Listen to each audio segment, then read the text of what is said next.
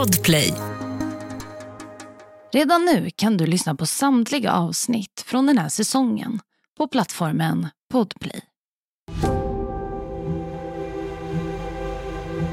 Mor och dotter, bundna till varandra. Gipsy växte upp i tron om att hon var allvarligt sjuk. Men med tiden började hon tvivla. Var hon verkligen så sjuk som hennes mamma hävdade? Hon längtade efter frihet och såg bara en utväg.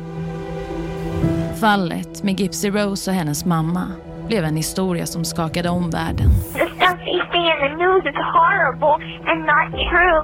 You know that I love my mama and you know that I would never hurt her.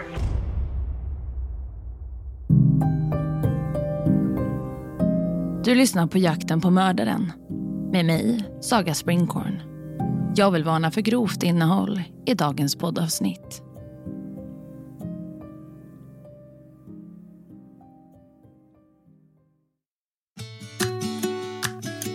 Gypsy föddes år 1991 och spenderade sin barndom i Louisiana, USA under översyn av hennes mor, Dee Dee Blanchard. Inte långt efter Gypsys födelse började Didi hävda att något var fel på hennes dotter. Med en bakgrund inom sjukvården framstod Didi som trovärdig. Hon var ju insatt i medicinska frågor. Enligt Didi led Gypsy av andningsproblem, mer specifikt sömnapné. Trots att ingen läkare kunde verifiera detta stod Didi fast vid sin övertygelse. När Gypsy fyllde åtta påstod Didi att hennes dotter led av en mängd olika hälsoproblem inklusive muskeldystrofi, leukemi, allergier, epilepsi och sensoriska störningar. I samma veva var Gypsy med om en mindre motorcykelolycka där hon fick sår på sina knän. Didi tog henne till sjukhus och berättade att Gypsy nu behövde sitta i rullstol. Rullstolen kom sedan att definiera hennes barndom. Ett liv byggt på en labyrint av lögner med hennes egen mor i centrum. Med en mörk, säker ton påstod Didi att Gypsy var dömd till livet i en rullstol. Hennes muskler hade förtvinat på grund av en muskelsjukdom. Och Gypsy, vars aptit var lika minskad som hennes fysiska förmåga, intog för lite föda enligt sin mor. Till slut, under ihärdiga påtryckningar från Didi, förskrev en motvillig läkare sondmatning till Gypsy. Didi hade en omfattande lista över Gypsys medicinska åkommor. Det började med kramper, följt av astma och fortsatte med hörsel och synproblem. Listan fortsatte och för varje nytt symptom blev Gypsys värld allt mindre. Hon tillbringade mer tid på sjukhus och läkarbesök än någon annan plats. Skolan var ett ouppnåeligt paradis för Gypsy. Hennes tillstånd tillät inte att hon gick dit. Istället fick hon förlita sig på sin mor. All utbildning skulle ske i hemmet. Rod, Didis exman, gjorde sporadiska besök hos familjen. Även om deras äktenskap hade varit kortlivat strävade han efter att hålla kontakten med både henne och sin dotter. Men varje gång han kom på besök var Didi där, lika säker som skuggan som följer en på soliga dagar. Han fick aldrig tillbringa ensam tid med Gypsy. Trots att något kändes off hyllade han Didi som världens bästa mamma eftersom hon verkligen verkade sätta allt åt sidan för Gypsys vård. Genom åren navigerade Didi genom en labyrint av läkare, alltid på jakt efter nya operationer och mediciner. Om hon stötte på motstånd eller inte fick exakt det hon ville sökte hon upp en annan läkare. En annan chans att få det hon ville. Didi var en mästare på manipulation hon ändrade på sin dotters sjukdomshistoria vid varje besök för att göra det hela mer dramatiskt och allvarligt än vad det var. En gång sökte Didi upp en kardiolog övertygad om att Gypsy led av hjärtproblem. När läkaren försökte spåra familjehistorien om hjärtsjukdomar berättade Didi att flera av Gypsys släktingar hade dött av hjärtattacker. Ett pärlband av lögner. Trots detta framstod Didi som en charmig, intelligent kvinna. Alltid beredd med fakta och detaljer. Hennes medicinska bakgrund gav henne trovärdighet. Läkare efter läkare, alla föll de för Didis välformulerade bluffar. Medicin efter medicin skrevs ut och gavs till lilla Gipsy. Ofta mixades medicinen ner i hennes sondmatning. När en läkare inte längre var samarbetsvillig sökte Didi en annan som skulle skriva ut mer medicin. År 2005 drabbades Didi och Gypsy av stormen Katrina. Deras hem totalförstördes och de tvingades bo på olika härbergen. Deras öde fångade uppmärksamhet hos välgörenhetsorganisationen Habitat for Humanity som beslutade att bygga ett nytt hus åt Gypsy och Didi. Detta hus skulle byggas med Gypsys behov i åtanke. 2008 var deras nya hem färdigt. Ett rosa hus i Springfield, Missouri. Huset var som taget ur en saga med blå fågelholkar hängande i trädgården. En flagga över verandan med texten Välkommen och en specialbyggd rullstolsramp. Men bakom denna sagolika fasad var verkligheten en mycket mer olycklig historia. Didi hävdade att alla Gypsys medicinska journaler också hade förstörts i stormen, vilket komplicerade saker och ting när de tvingades till en ny delstat med nya läkare, nya sjukhus att bekanta sig med. Didi tvingades att berätta för de nya läkarna om alla Gypsys diagnoser. Det var för många av dem overkligt många och varierande. Men Didi med sin skärm och övertygande förmåga fick dem att köpa hela paketet. Snart började ordinationerna komma som på löpande band. En cocktail av läkemedel efter läkemedel. I själva verket var det faktiskt Didi som var sjuk, inte lilla Gypsy. Didi led av Münchhausen syndrom, by proxy en psykisk störning där en person skapar eller förfalskar tecken och symptom på sjukdom hos någon de ansvarar för. Ofta ett barn. Trots att personen faktiskt är frisk. Barnet får agera den sjuka och föräldern agerar räddaren.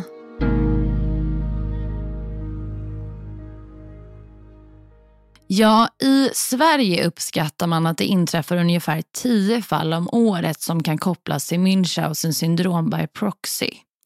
Trots att det finns många exempel på hur dessa situationer kan se ut är det sällan som en domstol fäller någon i dessa fall. Ett fall som väckte uppmärksamhet i Sverige inträffade år 2018 då ett spädbarn upprepade gånger togs in på sjukhus på grund av allvarlig diarré. Trots barnets allvarliga tillstånd kunde ingen medicinsk förklaring hittas. Frustrerande nog verkade barnets hälsa förbättras så fort den här, eh, det här spädbarnet var inlagt på sjukhus. Vårdpersonalen började då misstänka att det var barnets egen mamma som orsakade de här symptomen och rapporterade händelserna till sjukhuset. Och trots att det fanns starka bevis, inklusive upptäckten av inköp av jättemycket laxermedel under den tiden då barnet var sjukt, ledde utredningen aldrig till en fällande dom. Nu går vi vidare och lyssnar på vad som händer här nu i Didi och Gypsy Rose liv. För att säkerställa att läkarna såg det hon ville att de skulle se bedövade Didi ibland sin dotters sportkörtlar med ett bedövningsmedel. Detta ledde till att Gypsy började dregla. Läkarna, vilka endast kunde observera de fysiska symptomen, trodde på Didi och behandlade Gypsys överproduktion av saliv med botox. Med tiden ansåg de att en operation var nödvändig och Gypsys sportkörtlar avlägsnades. Bristen på sportkörtlar i kombination med flera mediciner skadade Gypsys tänder och tandkött så mycket att hennes framtänder till slut fick dras ut.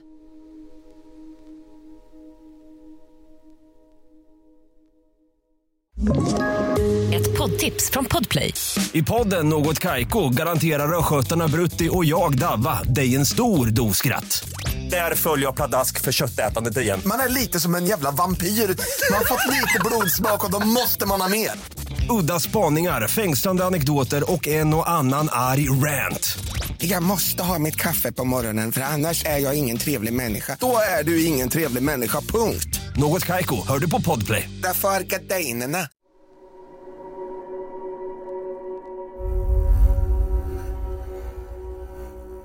Gypsy tillbringade sina nätter med en andningsmaskin. Något som hon i vuxen ålder har beskrivit som ett handikapp snarare än en hjälp. Maskinen var obekväm och gjorde det svårt för henne att andas. Dessutom sondmatades hon dagligen genom magen och besök hos läkare var en ständig del av hennes vardag. Men trots Gypsys gripande sjukdomshistoria var hon full av liv och glädje. Trots mörkret omkring henne fanns det alltid en glimt av ljus. Detta, tillsammans med hennes moders vård, berörde många människor.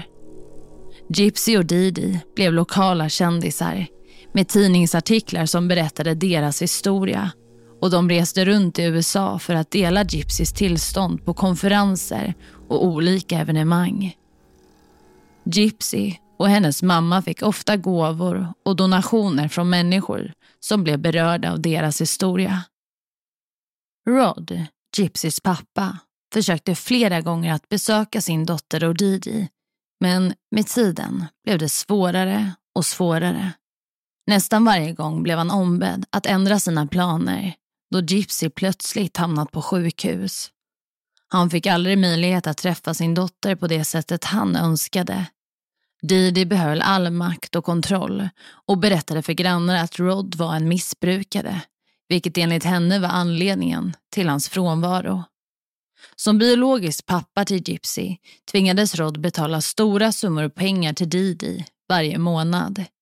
Pengar för sjukvård, mediciner och så vidare. Rod hade ingen aning om att Gypsy i själva verket var en frisk tjej.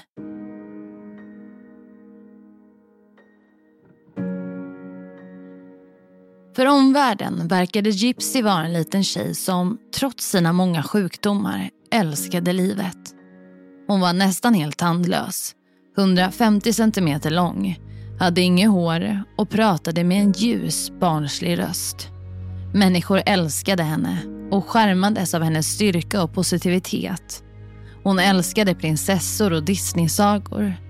Didi såg till att Gypsy förblev hårlös, rakade hennes huvud Troligtvis för att få det att se ut som att Gypsy genomgick kemoterapi. Gypsy, liksom alla andra, trodde att hon hade leukemi. Gypsys liv var fyllt av otaliga episoder från smärtsamma medicinska ingrepp till upprepade läkarbesök. Men en av de mest påverkande aspekterna av hennes liv var kampen för att förstå sin egen ålder. Under flera år kunde Didi enkelt manipulera Gypsys uppfattning om sin ålder till den grad att Gypsy inte längre hade en klar bild av hur gammal hon var. Didi ändrade ständigt Gypsys födelseår vilket gjorde det otroligt förvirrande för Gypsy. Ett år var hon 16, nästa 14 och detta upprepades trots att hon hade varit 16 året innan. Det nådde till och med en punkt där Didi förfalskade Gypsys födelsebevis för att bibehålla illusionen om Gypsy som ett minderårigt barn. Även om hon i verkligheten närmade sig vuxen ålder. Men som alla unga vuxna började Gypsy bli nyfiken på livet bortom de rosa väggarna.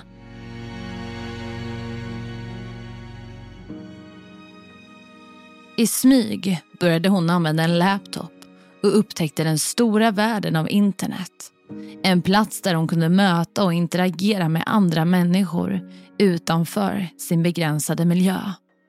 Det var i denna digitala värld som Gypsy för första gången började smida planer på att fly från Didis kontroll.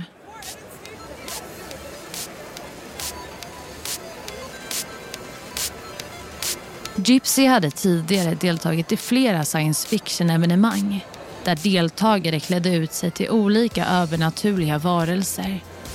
Det var en plats där hon kände sig fri och där hennes rullstol inte var lika påtaglig. Rullstolen brukade hon pynta när hon klädde ut sig. Hon kunde vara någon annan för några timmar. År 2011 är Gypsy 19 år gammal. Hon är på ett science fiction-evenemang tillsammans med sin mamma. Gypsy känner inte till sin verkliga ålder och hon behandlas som ett barn. Under evenemanget gör Gypsy sitt första försök till att fly. Under evenemanget lyckades Gypsy få en stund för sig själv. Hon träffade då en man som var 35 år gammal och de började prata med varandra. Gypsy blev snabbt betuttad i mannen. Efter en stund smet de iväg till mannens hotellrum. Men Didi var inte långt efter. När hon hittade Gypsy och mannen berättade hon att Gypsy var minderårig, hotade mannen och påstod att hon kunde ringa polisen när som helst. Gypsy kände sig ledsen och besviken, men hon följde med sin mamma hem. Hon hade inget annat val. Didi var ursinnig. Hon slog sönder Gypsys laptop med en hammare och hotade. Om du någonsin försöker göra det här igen kommer jag att slå sönder dina fingrar. För att försäkra sig om att Gypsy förstod allvaret i situationen band Didi fast henne vid sängen och höll henne fängslad under flera dagar. Gypsy övervägde att kontakta polisen men hon trodde inte att någon skulle tro på henne. Hennes mamma skulle kunna övertyga alla om att hon var så sjuk att hon inte visste vad hon pratade om. Trots allt detta fortsatte Gypsy att drömma om ett annat liv. Hon skapade en hemlig profil på en kristen dejtingsida och fick kontakt med en man vid namn Nicholas. De två inledde en hemlig relation och blev snabbt förälskade. De hade ett hemligt onlineförhållande i över två och ett halvt år där Gypsy lät Nicholas få reda på alla hennes hemligheter. Men Gypsy ville mer än att bara träffa sin pojkvän i den digitala världen. Hon ville träffa honom på riktigt. I mars år 2015 gick Gypsy och Didi på bio. Men biobesöket var bara en täckmantel för vad som egentligen skulle hända. Gypsy och Nicholas hade planerat att han skulle dyka upp på biobesöket. På biobesöket skulle Gypsy och Nicholas låtsas som att de inte kände till varandra. Det skulle vara deras första möte. Och i och med att Didi var med under det första besöket fanns det kanske en chans för att hon skulle acceptera Nicholas. Gypsy var exalterad och klädd som Askungen. Ivrig att äntligen introducera sin pojkvän. Men när Didi träffade Nicholas blev hon allt annat än förtjust. Hon kunde inte acceptera att Gypsy hade ett förhållande. Hon hatade Nicholas. Men Gypsy och Nicholas fick en stund för sig själva. Gypsy smet iväg på toaletten under bion och träffade då Nicholas på riktigt för första gången. När sanningen kom fram bråkade Didi och Gypsy under flera veckor. Didi kunde absolut inte acceptera att Gypsy hade en relation. Och i samma veva fick Gypsy nog. Hon hatade sin mamma.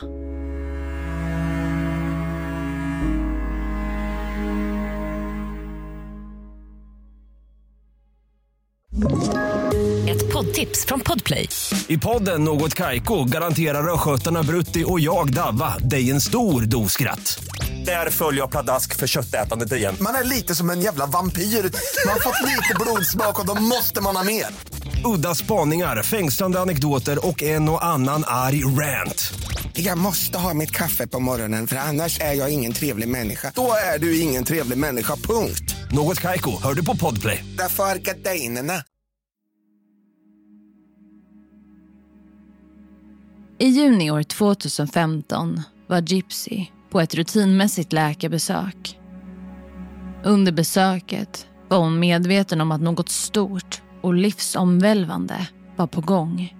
Friheten väntade runt hörnet. Nicholas, som var 26 år gammal, hade under samma dag rest till Missouri och checkat in på ett motell i närheten. Redo att ta det avgörande steget. Kvällen den 9 juni 2015. När Didi somnat fick Nicholas en signal. Det var dags för Gypsy att möta friheten. Nicholas dök upp vid huset och Gypsy räckte över verktyg. Handskar, tejp och en kniv. Gypsy gömde sig i badrummet medan Nicholas tyst och försiktigt närmade sig Didis sovrum. Plötsligt hörde Gypsy sin mamma skrika, ropandes på henne flera gånger. En del av Gypsy kände en stark önskan att ingripa och hjälpa till.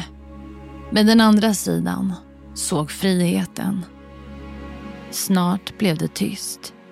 Didi, 48 år gammal, var avliden.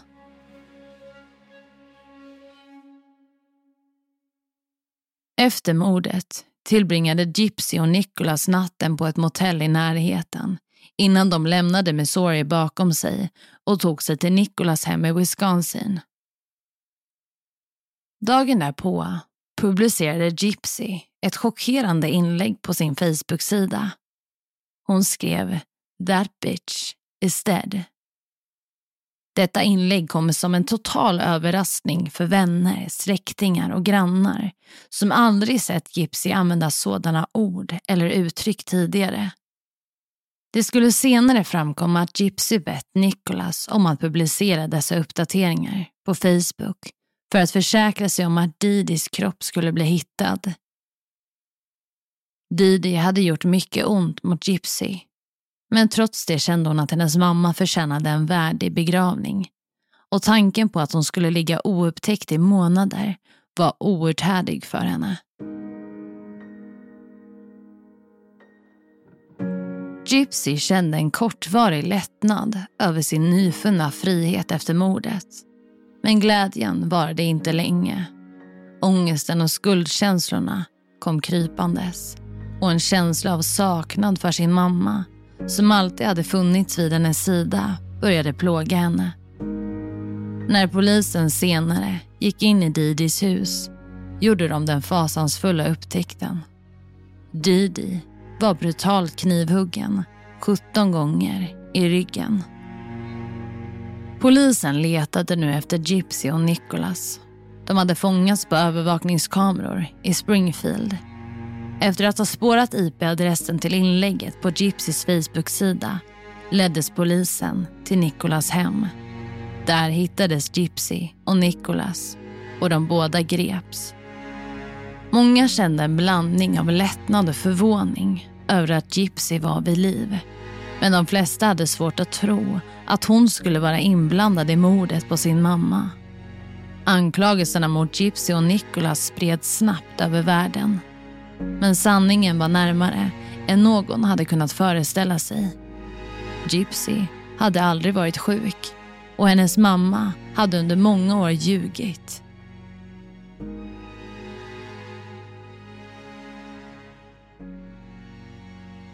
Ja, hörni, många har funderat över varför Gypsy inte agerade tidigare. Hon behövde ju faktiskt inte sin rullstol utan hon kunde gå och det var någonting hon upptäckte med tiden. Så i själva verket hade Gypsy egentligen kunnat gå ut ur huset, gå till en polisstation och berätta vad som för sig gick. Men sanningen är mycket mer komplicerad än så. Gypsy hade blivit indoktrinerad att tro att ingen skulle tro på henne om hon avslöjade sanningen. Hon berättade senare i en intervju, citat, jag vågade inte hoppa ur rullstolen för jag var rädd och visste inte vad mamma skulle göra. Jag hade ingen att lita på. Gypsy var skräckslagen över att ingen skulle tro på henne, vare sig det var poliser, läkare, grannar eller andra liksom, människor runt henne. Hon visste att om hon inte kunde bevisa att hon var frisk skulle hon få lida ännu mer inlåst i det rosa huset. Vi ska nu lyssna på den sista delen av fallet med Gypsy Rose och Didi Blanchard. Gypsy berättade sanningen om sitt deltagande i mordet på Didi. Även om Nicholas var den som utförde själva handlingarna så var hon en stor del i det som hände.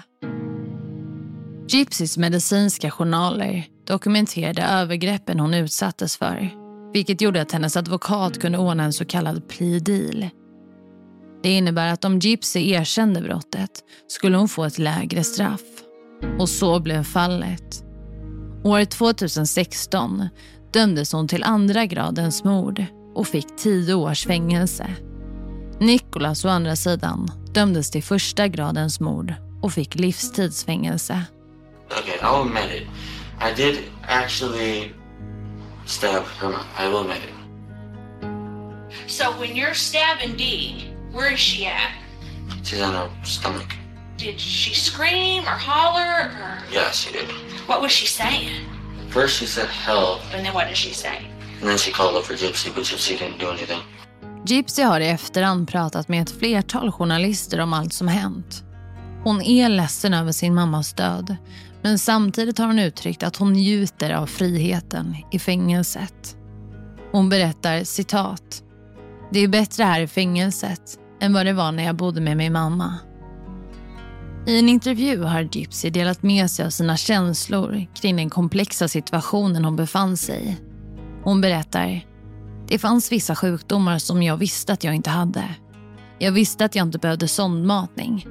Jag visste att jag kunde äta och jag visste att jag kunde gå men jag trodde på min mamma när hon sa att jag hade leukemi. För jag tog massor av mediciner och mamma sa att det var för cancer. Hon skulle även raka av mitt hår och sa det kommer att falla av ändå så låt oss hålla det snyggt. Frågor som många också ställer sig är varför ingen läkare reagerade.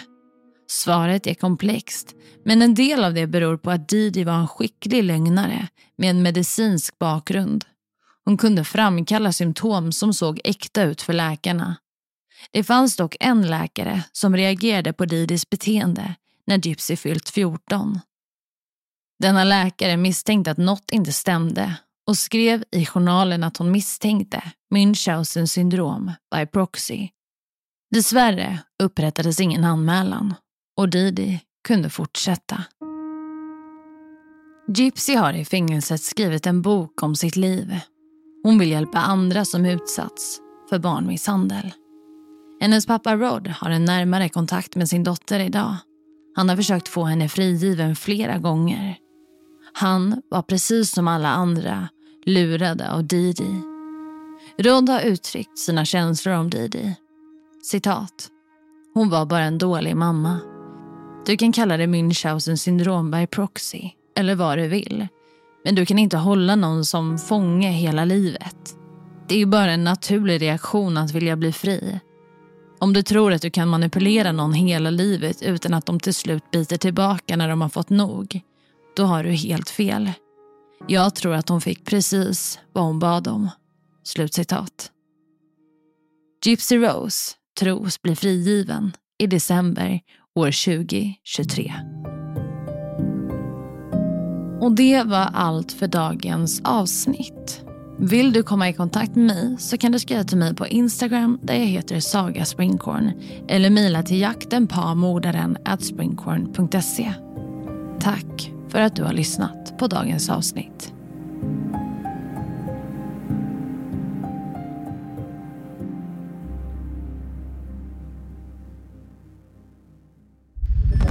Podplay, en del av Power Media.